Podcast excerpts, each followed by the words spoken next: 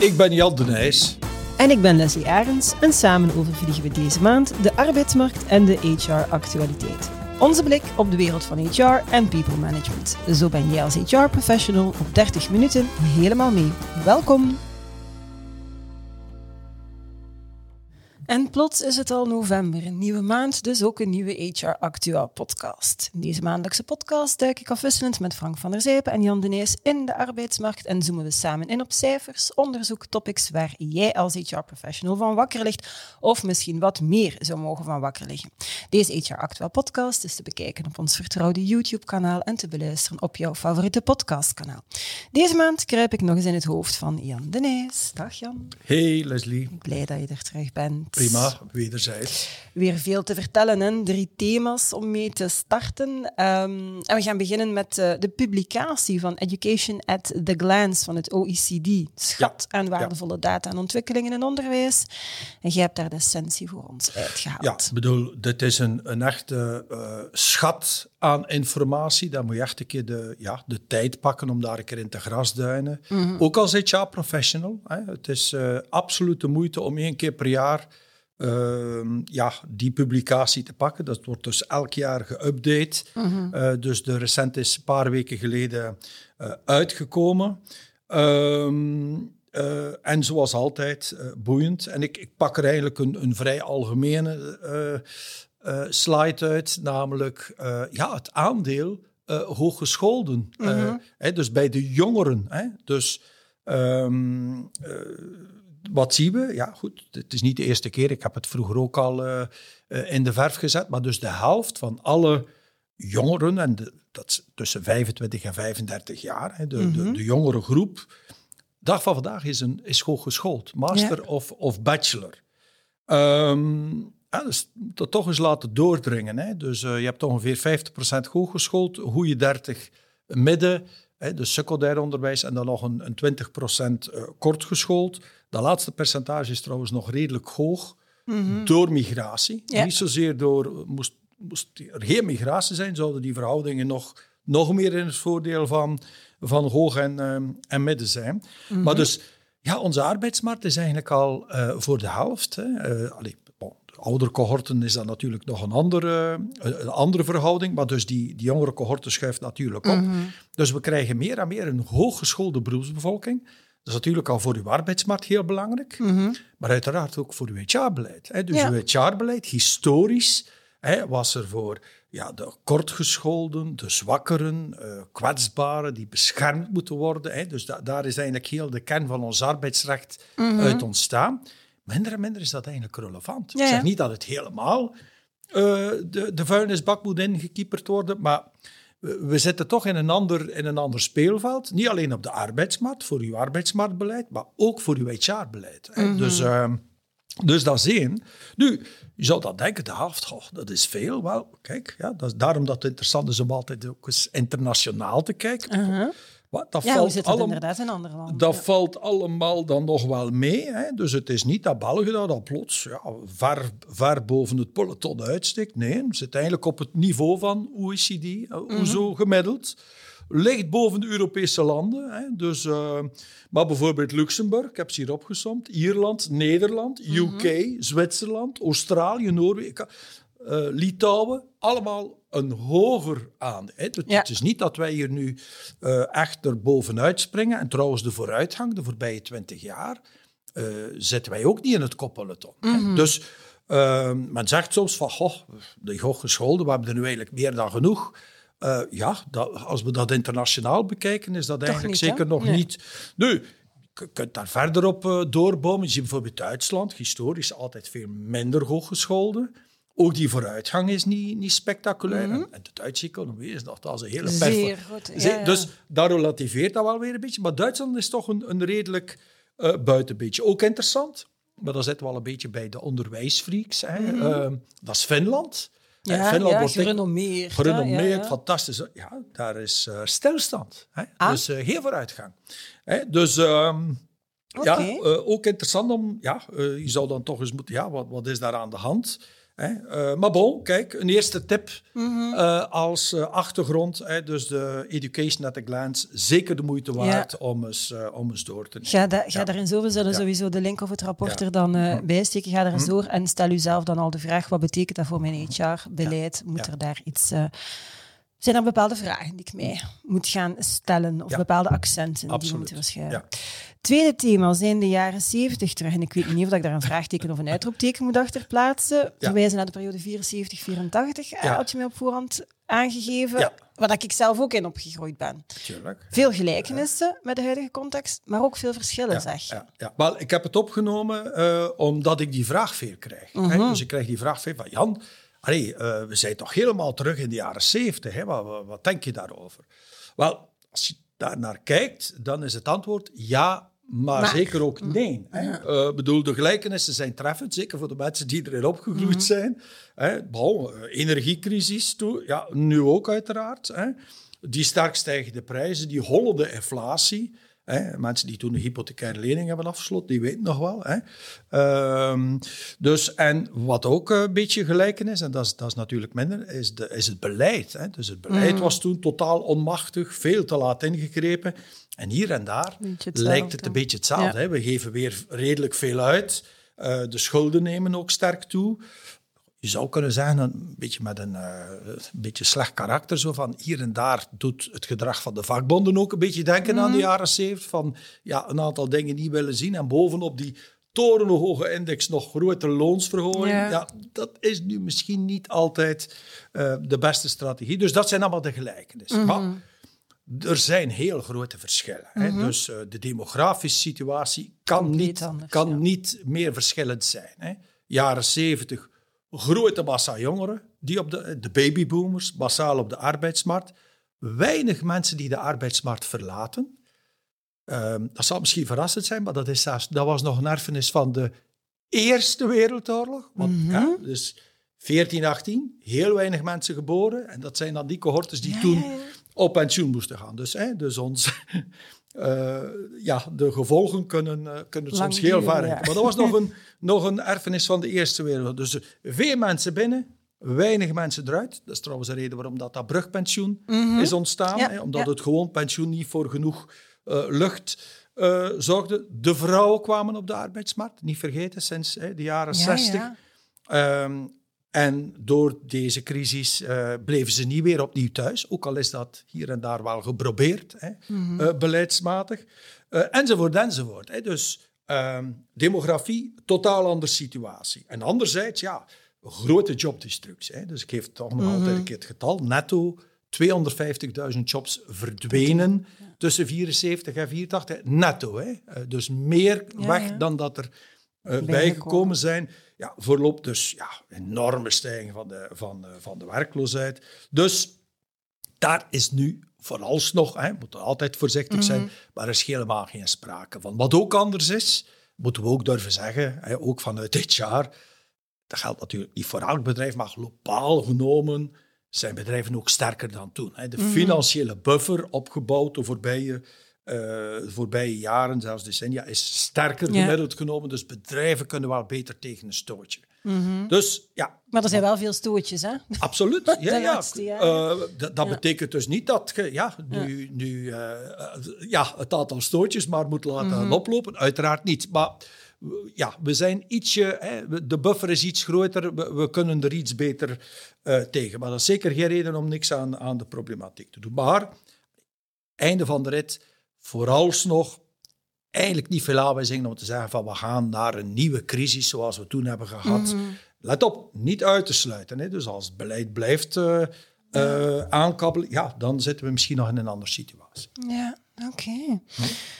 Derde thema, Rise of the Freelancers. Het ja. zijn er bijna 200.000 in Vlaanderen ja. en Brussel. Ja. Dat is 7% meer um, dan het jaar daarvoor. En dat blijkt uit het nieuwste Freelancer Focusrapport van Unizo naar aanleiding van de Dag van de Freelancer in vorige maand, 6 oktober.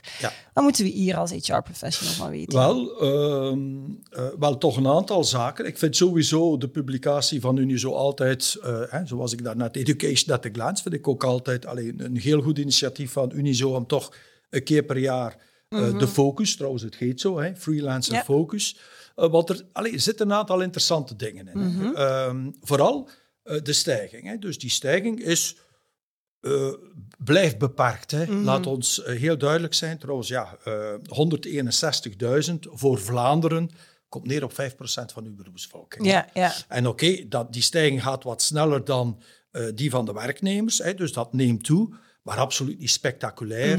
Dus eh, van een eh, disruptie is er in geen geval sprake, maar het is wel eh, het is aanwezig en het wordt wel steeds, steeds belangrijker. Zeker als we zien dat die stijging zich eigenlijk over alle mogelijke sectoren uitstrekt. Het is niet in één, in één specifieke beroepsgroep, het is overal bedrijfsadvies, IT, kunst, creativiteit, onderwijs, noem maar op. Dus overal zien we daar die stijging. En, en wat ook interessant is, is dat die stijging zich ook heeft doorgezet tijdens de coronajaren. Mhm. waar we toen een, zelfs een kleine daling van eh, het werknemersaantal Ja, ja. hadden. Eh zelfstandigen zijn, en ook freelancers zijn dus blijven stijgen. Dus het, het is redelijk structureel. Ja, Mhm. ik, ik denk de les voor, eh, voor HR ligt een beetje voor de hand. Ja, een, een, een ernstig HR-beleid naar recrutering toe kan uiteraard niet meer buiten Mhm. de freelancers kijken. Ehm, er zijn mensen die zeggen van kijk, wij willen werken, maar onder dit statuut. Dus ja, eh, het idee van ja, maar bij ons is het werknemersstatuut, ja, die, die tijd is toch wel een beetje voorbij. Hè? Dus je moet je daarin toch wel zeker nog altijd in deze tijden van krapte open opstellen. Want ja, dat, dat is misschien ook nog een, een, een interessant feit. Als je het vraagt aan de mensen, ja, slechts 2%. Lijkt me weinig, maar goed, ik ga toch even de woord van de cijfers. Slechts 2% ziet zich ja, in de nabije toekomst weer naar het werknemersstatuut gaan. Dus Oké. men is redelijk... een definitieve ja. keuze. Ja, Ja. een aantal gaan, gaan uitstromen, dat ze op pensioen gaan. Hè. Dus, eh, dus er zijn meerdere categorieën. Maar echt zo vanuit het ding is van ik, we gaan terug in, in vaste dienst ergens. Ja, dat is toch geen... eh, dus 2% Nee. is nu wel heel laag. Hè. Misschien Ja. een beetje onderschat. Maar bon, het geeft ook aan dat het ja, over een, een hele solide, eh, solide trend gaat. En dat het Eh, misschien ook een bewuste keuze is. Absoluut, het zijn ook hooggescholden. Ja. hè. Dat is ook belangrijk. hè. We hebben het daarnet al gehad. Ja, ja. Hè. Dus die arbeidsmarkt wordt meer en meer hooggescholden. Ook hier, 80% hooggeschoold. Mhm. Eh, werken gemiddeld 45 uur.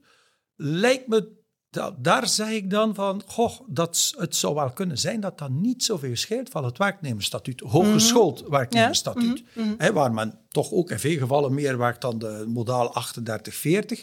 Dus eh, het laatste cijfer ken ik eigenlijk niet. Zou ik eigenlijk nog, maar het zou kunnen dat dat wat dat betreft niet, dat daar het verschil niet meer zo groot Ja, is. ja, oké. Hm? Nog ontwikkelingen die zich voorgedaan hebben binnen, binnen ehm, ja, laat ons zeggen, het, het, het niet-klassieke werknemersstatuut, als ik dat zo mag zeggen. Zijn er nog zaken die in oktober pers goh, gehaald hebben, dat je eh, wilt bij stilstaan? Wel, ehm, eh, ja, deze morgen. Deze morgen in de krant. hè. ik heb de krant nog niet gelezen. Ja, ik heb, wel, dat is het voordeel van heel vroeg op Ja. te staan. Hè. Dus ik heb, Ja. ik heb ze al allemaal, toch, Mhm. toch een aantal doorgenomen. Nee, nee, historisch eigenlijk. Hè. Want Oké. uiteindelijk hadden we zelfs een van de thema's daarover. Ja, het akkoord tussen eh, de Socialistische Transportvakbond en Uber. Hè. Zo, Eh, Uber ja. Mhm. die nog altijd met zelfstandige chauffeurs werkt, zelfstandige freelancers, dat, eh, daar is discussie over. Maar een akkoord, Uber vakbond, dat de vakbond dus ook de belangen voor informatie Ja. gaat zorgen, de belangen gaat verdedigen. Eh, niet alleen van werknemers, ook van freelancers. Hè, dus, ehm, Dat is historisch. dat, is histo- historisch. Nee, nee, het gebeurt Toch niet wel, veel, maar Ja. dit is nu keer Ja. iets wat we echt... eh wordt rap geroepen, maar dit is echt een, een mijlpaal. Hè? Ja. Eh, en het toont ook aan dat de freelancer, dat het gevecht, dat dat nog niet gestreden is. Hè? Dus eh, Mhm. men claimt dat een beetje vanuit zelfstandigen, van dat is van ons. En ik vind dat u niet zo, zoals gezegd, Mhm. dat, dat zeer goed doet. Goede dienstverlening, zich heel goed profileert. Maar met dit soort acties Ja. geeft de vakbond ook aan van, jongens, wij zijn er ook en, En wij en gaan, eh, ja. en, eh, wij, eh, wij gaan daar ook dieper, op, dieper op door. Dus een heel boeiende ontwikkeling. Ja, ja, absoluut. en dus helemaal vers van de pers deze ochtend eh, Ja. op de dag van de opname.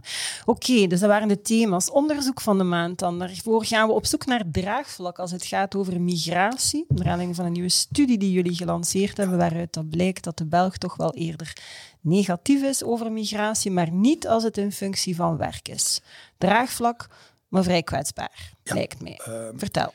Ja, Wel, ehm, misschien eerst kort, ja, waarom, want die vraag krijgen we natuurlijk. Ja, waarom doet mm -hmm. door, Randstad zo'n studie? Ja, dan zeg ik, ja, het is, dat is toch redelijk logisch, want we zijn als bedrijf wel sterk betrokken op deze materie. Mm -hmm. Dus heel wat van onze uitzendkrachten zijn uh, eerste, tweede, tweede, tweede generatie migranten. Hè.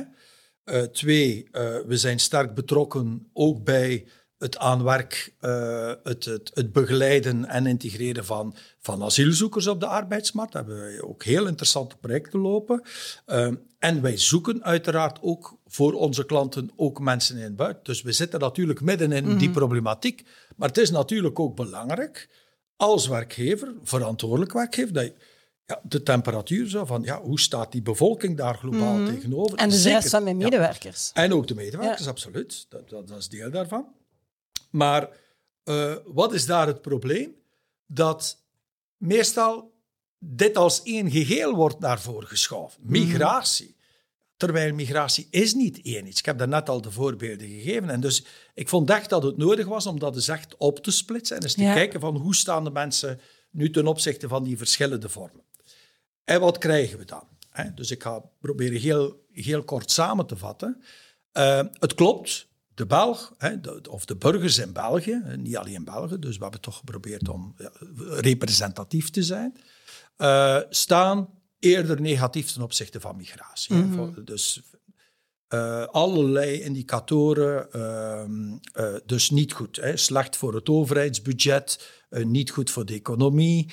Uh, ook niet, niet, geen goede invloed op onderwijs. Ook slechte persoonlijke ervaringen. Hè. Dus mm -hmm. de negatieve ervaringen wegen dubbel zo zwaar dan de positieve, die er ja. uiteraard ook zijn.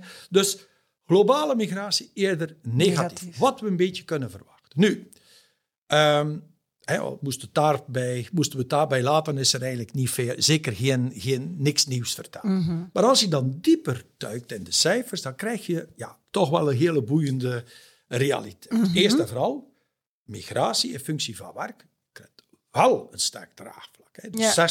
60% zegt ja, 12% zegt nee. Mm -hmm. ja, dus 5 ten opzichte van 1. Dus sterk mm -hmm. draagvlak. Uiteraard is er altijd de groep dus die ja, geen antwoord geeft. Ja. Of niet. Dus, dat, dat, uh, dus uh, uh, sterk draagvlak, migratie in functie van werk.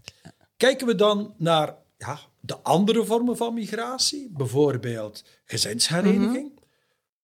Mensen zijn voor gezinshereniging. Het is mm -hmm. absoluut niet zo dat men zegt nee, en een soort hardvochtigheid, hè, wat dikwijls.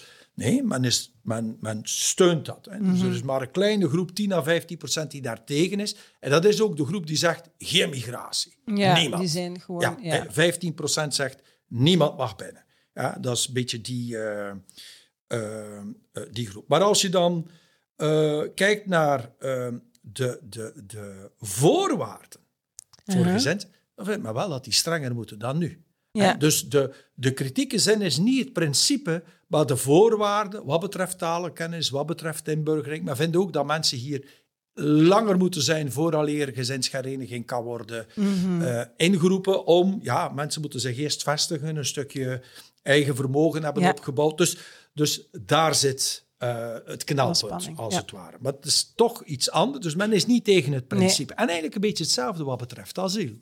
He, dus asiel, we vragen het, we vragen het op verschillende uh, wijzen.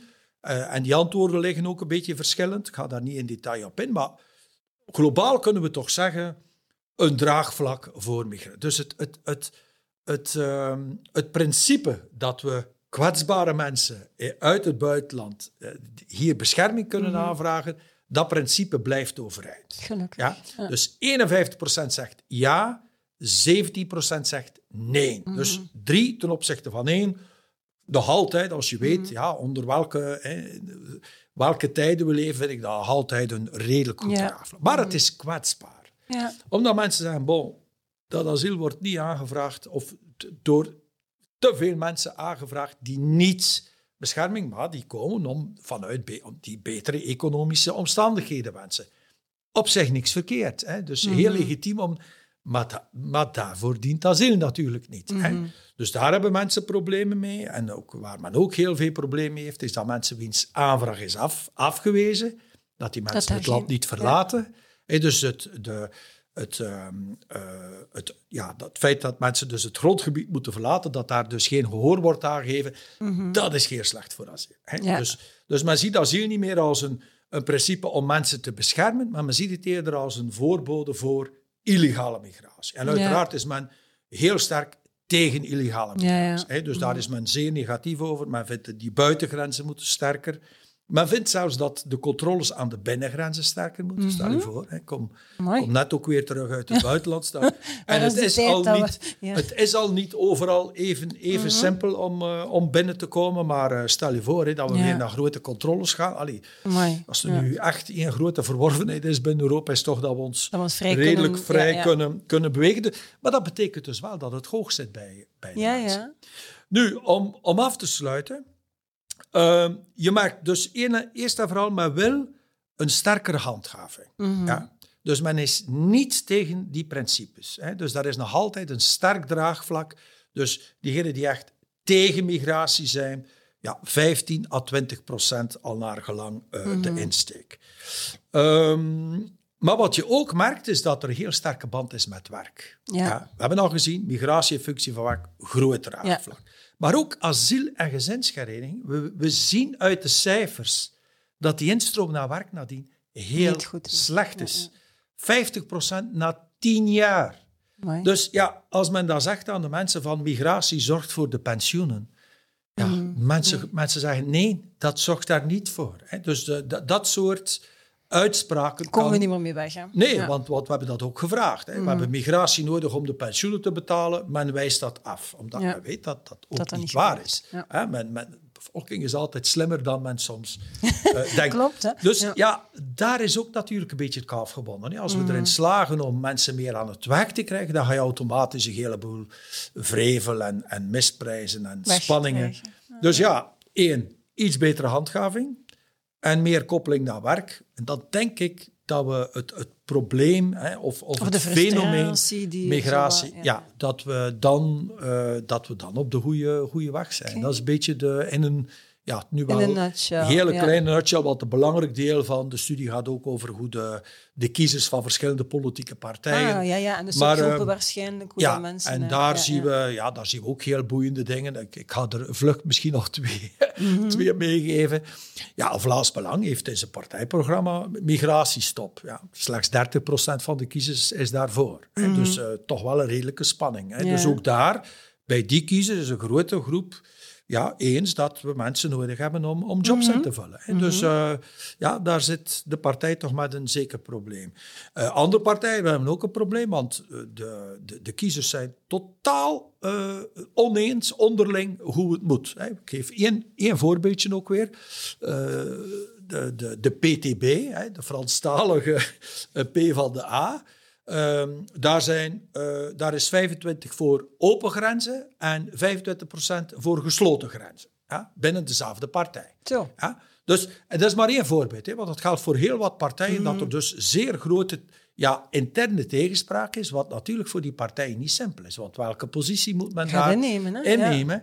Dus eh, voor eh, het hele migratievraagstuk is voor meerdere partijen een ongemakkelijk vraagstuk, omdat hun kiezers onderling het zeer sterk ver, eh, eh, ja, eh, oneens zijn. Ja. Dus dat is nog een eh, bijkomende, boeiende... Maar dat vinden we dus allemaal in het rapport, dat Ja. we op de website er ook Ja. gaan aan toevoegen. Maar zeer belangrijk ook voor werkgevers en HR-professionals om te weten van hoe kijkt de burger naar dit thema en, dus ook de mensen die bij u aan het werk zijn. Hoe kijken zij daarnaar? En ook ja, dat, dat, dat die groep vluchtelingen, dat dat natuurlijk ook een, een, een mooie case is. Dus daar zitten zeker profielen bij.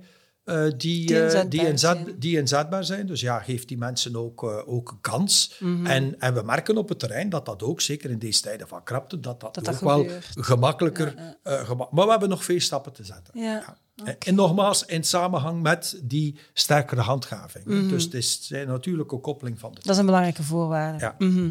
Ehm, we zoomen ook altijd in op een, eh, een cijfer van de maand. En dat cijfer heb je deze maand meteen gekoppeld aan een concrete boodschap voor de media. Ja, maar je weet dat dat een beetje stokpaardje is. Dus dat ik eh, ja, vind dat de media nu... ehm, ehm, z- zij hebben daar ook wel een antwoord op. Maar ik vind dat de media natuurlijk ja, wat, soms iets te negatief inkleurt op een aantal dingen. En ik snap dat wel. Slecht nieuws verkoopt beter, Beter, dan, dan ja. goed nieuws. Dat is zo. En, en mensen moeten ook een brood verdienen. Maar soms ja, zorgt het er wel voor dat mensen geen juist beeld hebben. Hè. Mhm. En, en ik geef hier een voorbeeld. Hè. Dus SD Works, hè, die dus een barometer eh, publiceerde een paar weken geleden. Ja, eh, en wat is de titel in de krant? 1 op 6 KMO's plant ontslagen in het vierde kwartaal. Hè, dus de Ja. crisis. Ja, goed. We vermoeden dat wel, dat er wat meer... Maar wat lezen we? Dat 2 op 6 KMO's plannen om aan te werven. Dus Maar dat is dan niet in de titel. dat nee, dus dat moet je natuurlijk in de tekst lezen. Dus zelfs in dat vierde kwartaal, met de teruglopende economie, hè, met alles erop en eraan, is nog altijd dubbel zoveel KMO's die plannen aan te werven dan te ontslaan. Ja, dan is zo'n titel toch een beetje misleidend. Ja. Dus dat is, ehm, dat is het cijfer die ik... eh, En dat, dat, ik even- moet, dat moet eigenlijk eh, anders. Daar komt het op Ik neer. vind van wel, ja. Ik Zeker vind omdat dat- mensen heel vluchtig... Ik eh, vind dat media daar ja, iets te gemakkelijk... iets te Mhm. dus daar ben ik redelijk streng in, ja. Ja, ja, ja. ze geven eigenlijk... mensen gaan de realiteit helemaal anders beleven als er negatieve koppen zijn dan als er positieve Tuurlijk. koppen zijn. Dus in dat opzicht je, je, ja. je, Mhm. je, je, je jaagt de mensen ook een stukje schrik aan. En, Mhm. en eigenlijk verstevig je een beetje wat je, waar je wil voor waarschuwen. Hè. Maar mensen zeggen, oei, de recessie zit ook een stuk in de hoofden. Hè. Als mensen dan Ja, beginnen ja. na te denken en minder uit te geven, versterk je. Versterkt het, hè? En, en dat speelt daar ook allemaal in mee. Alright, oké. Inspiratie en kennis halen we ook uit boeken. En dat is deze keer Life is Hard geworden van Kiran eh Setia, filosoof Ja. aan het MIT. Ehm, en daarin Ja. buigt hij zich over de vraag hoe we moeten omgaan met de ellende in het leven.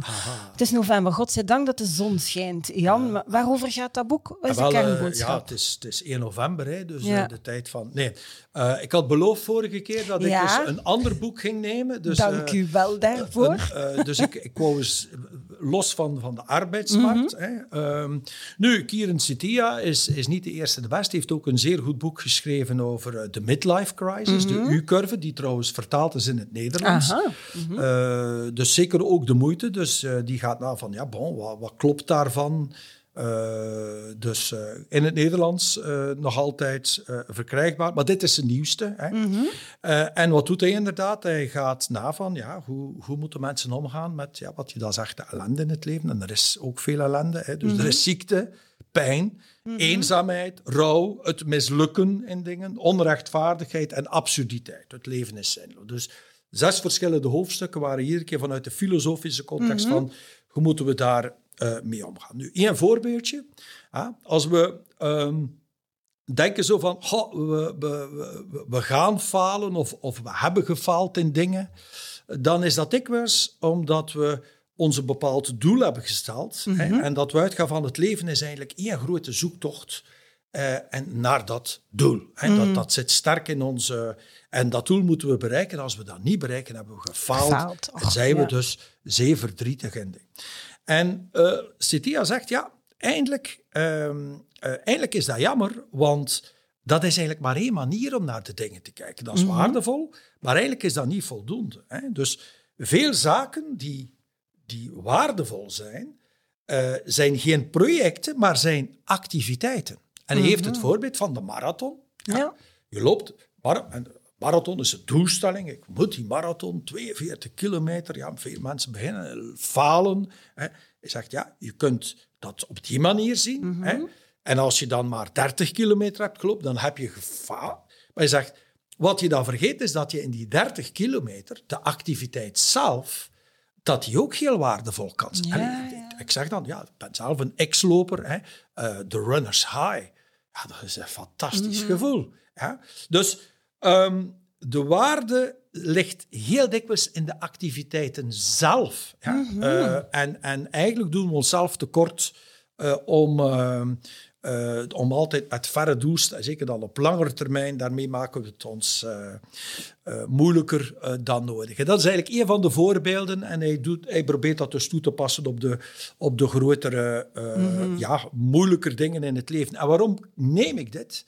Omdat dat een beetje tegengas geeft tegen ja, toch een belangrijke stroming van eh, happy hier en, en eh, huppelend de chief, gaan, de chief ja, ja. happiness officer in de plaats van HR. En ik, ik, ik wil de waarde niet helemaal wegdoen, alhoewel ik altijd redelijk kritisch heb gestaan. Zo van, bon, het is nog altijd niet de doelstelling om, om mensen gelukkig te maken. Je moet zorgen dat mensen goed hun werk kunnen doen. En daar zullen ze zeker ook gelukkig, van worden. Maar dat is de kern en niet, eh, niet... Maar het is nu eenmaal zo in het leven dat dus het leven niet alleen daaruit bestaat en dat er dus ook heel wat ehm, eh, andere zaken zijn. En het lijkt mij geen overbodige luxe dat HR daar ook Ja, ja. Wat, wat, eh, wat rond nadenkt. Hè. En in die zin is, is dit boek een, een, ja, ook weer een, biedt ook weer een mooie inspiratie Ja. om, eh, om daarmee om te gaan. Dus vandaar mijn, eh, vandaar mijn keuze. keuze, oké. Dank u wel daarvoor. Ja. Hm. Dan ehm, denk ik dat we bijna aan het einde zijn. En Jan van de Actueel Podcast zal ongeveer inderdaad op een half uur zitten ongeveer. Uitspraak van de week. Het is eentje van minister Dermanje, die jou van jouw stoel deed vallen, heb je mij gezegd. Een beetje wel, hè. Bon, dit is een citaat van weer een paar weken geleden nu. Eh, dus de zondag, hè, het, het, het, veelgelezen, het veelgelezen blad, omdat het het enigste dagblad is dat, dat die dag verschijnt. Eh, dus Paul Kobbaert heeft iedere keer een heel interessant interview. En dat was op 2 oktober met eh, minister van Werk Pierre-Yves Dermagne. En Paul Kobbaert zegt, België is met werkzaamheidsgraad van 71% een van de slechtste leerlingen van Europa. Dan antwoordt minister Dermagne, dit is geen eerlijke vergelijking, want niet alle landen tellen op dezelfde manier. Duitsland en Nederland zijn er veel meer deeltijdse en onderbetaalde banen. Dus we moeten kijken naar de uren en dan, dan doen we dat wel een stuk beter. Bon. Eh, dat is eigenlijk qua straf. hè. Deze Vivaldi-regering heeft dus de 80% doelstelling werkzaamheidsgraad, wel tegen 2030. En dan zegt de minister zo, ja, maar dat is... Dat, dat is eigenlijk maar een beetje om te lachen, hè, want die, die, eh, dat, eh, die indicator is eigenlijk niet oké. Ja, maar wacht even, je hebt er wel, als Ja. dat al zo zou zijn, ja, je hebt daar wel eh, eh, een akkoord rond. Hè. Dus eigenlijk zag je van, jongens, eigenlijk was dat een beetje om te lachen. Hè. Dus dat is één. Dus ik, allee, politiek vind ik, dat, ehm, ja, vind ik dat toch wel een probleem. Ehm, maar ik ben het uiteraard ook niet eens met hem. Hè. Ik bedoel, want eh, die 80% werkzaamheidsgraad, oké, het klopt. Hè. We spreken hier over, over koppen. Hè. En inderdaad, er kunnen mensen bij zitten met kleinere banen. Maar kijk naar alle sterke economieën in heel de wereld. Hè. Allemaal economieën met een werkzaamheidsgraad tegen de 80%. Er is geen één zwakke economie. Eh, bijvoorbeeld die Zuid-Europese economieën, ja, die komen niet in de buurt, die komen, zelfs, die komen niet eens aan 70.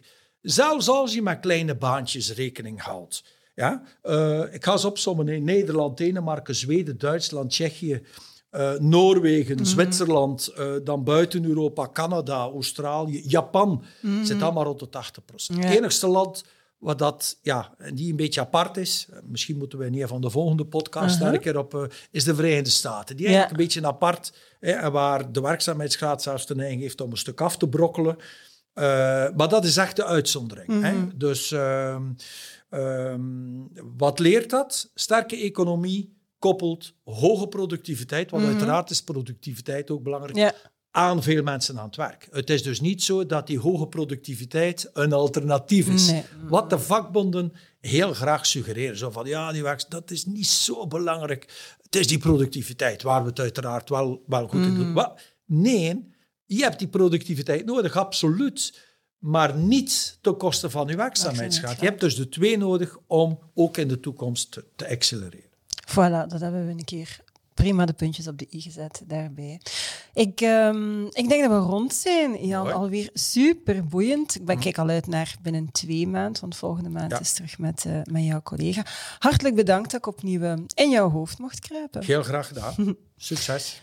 Merci ook eh, aan jullie om te kijken of om te luisteren. Ga dus zeker eens kijken op de website waar al de rapporten waar we het hier ondertussen over gehad hebben ook te raadplegen zijn als je graag wat meer informatie wil. Of misschien ben je het ook niet eens met Jan of heb je nog vragen. Je mag gerust altijd die vragen en bedenkingen aan ons doorgeven of via sociale media laten weten. Het is maar hoe jij het zelf verkiest.